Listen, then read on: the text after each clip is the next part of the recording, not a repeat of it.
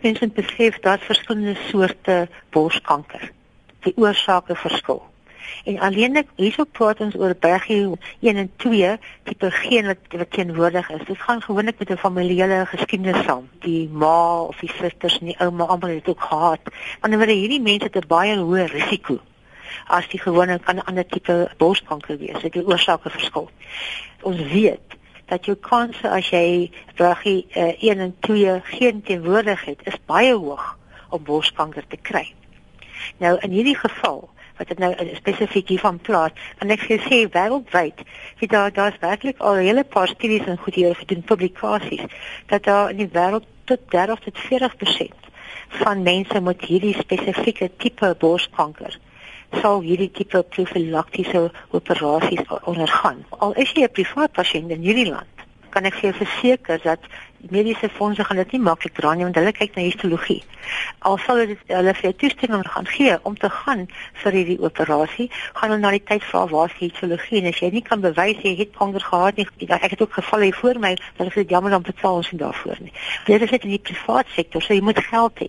Maar ek meen en die staatsdiens ek kan dit glad nie insien hoe dit ooit sal kan gebeur nie want daar's nie genoeg hulpbronne of dienste beskikbaar hier vir op nie geld finansies hiervoor nie want jy het nodig om 'n span om jou te hê want hierdie is 'n geweldige groot prosedure en jy moet verskillende ondersteuningsbronne hê is werklik jy moet kan bekostig voor jy aan so iets kan dink want nee uh, doen toetse. Hulle kan dit doen op bloed en en so voort en dit is gewoonlik dit gaan saam met die familie hele geskiedenis en daarna kan hulle toetse doen op en in genes bepaal. Dit is so Nee, ons wil dit nie doen nie. Dit is vir ons kontroversieel.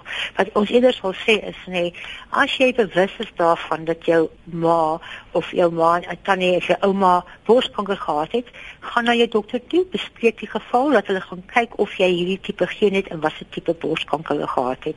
Dan moet jy absoluut teruggaan na jou dokter toe en jy moet gaan vir gereelde ondersoeke. Jy moet gaan vir mammogramme en Hulle doen self MRI scans op hierdie mense gereeld om seker te maak daar's geen ontwikkeling nie. Net om borskanker te kan kry. Al as jy net 'n deel van jou bors weg, het ons al gevind dat vrouens het 'n probleem met hulle eie beeld. Nou wat gebeur as jy nou al vir jou bors te verloor? En dit is so belangrik hierdie mense geweldige ondersteuning moet kry en ervaar. So ons sal dit nooit as 'n reël daar stel en vir mense sê om daarvoor te gaan vir die operasie nie. Ons sê eerder kom ons kyk dat jy vir gereelde opvolg volg, mammogramme en selfs MRI scans en jy moet in aanraking bly met jou terapeut en met jou dokter. En so dink jy die feit dat so 'n groot ster, so 'n Hollywood ster, soos 'n filmster, soos 'n model, dink jy die feit dat sy nou jy weet uitgekom het en gesê het ek het borskanker en hierdie operasie ook ondergaan het, dink jy dit gaan baie beteken vir die bewusmaking van borskanker wêreldwyd? Ek dink dit sal veral miskien vir hierdie tipe brekkie 1 en 2. Maar wat my ek is net effens bekommerd oor die feit dat waar lê die grootste druk nou? Ek meen, gaan dit nou oor mense moet eerder dan gaan vir die operasie? En kan mense dit bekostig want jy weet daar is mense wat baie bang is en ek ek verstaan dit ek meen ek self het nie borskanker gehad nie maar ek self uh, het ek self kanker gehad en jy leef hiermee saam vir die res van jou lewe. Maar met ander woorde dat ek wil nie graag sien dat mense wat dit nie werklik kan bekostig nie, moet dinge doen en hulle huise verkoop of dinge opoffer om te gaan kan vir hierdie operasie. En dis nie wat ek moet sien nie. Ek meen dit is so dat mense moet ingeligte besluite maak. En natuurlik, as jy meer geld het, jy kan jy miskien beter of ander tipe besluite neem, maar daar is maniere gaan na jou dokter toe en word opgevolg en wees bewus daarvan dat as jy 'n familiale geskiedenis het van borskanker, moet jy baie meer bewus wees van die feit dat jy 'n hoër risiko het vir borskanker.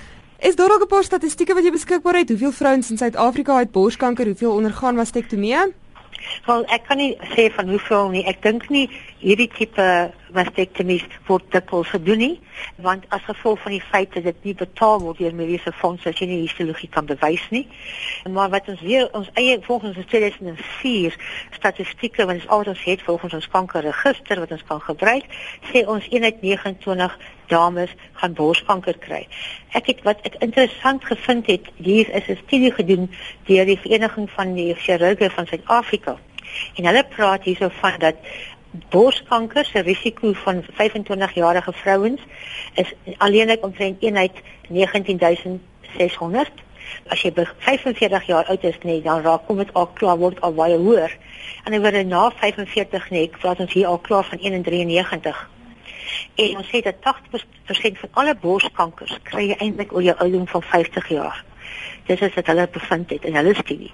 Maar ek weer eens gesê het, ons sien dat borskanker kom al baie vroeër voor by vrouens as hulle jonger is en dis hoekom dit so belangrik is dat as jy al hierso in jou puberteit begin is, moet jy begin jou borste ondersoek en begin kyk dat jy maandeliks op dieselfde tyd kyk of jy enige veranderinge het en daarvolgens optree en as jy nie seker is nie, gaan sien 'n dokter.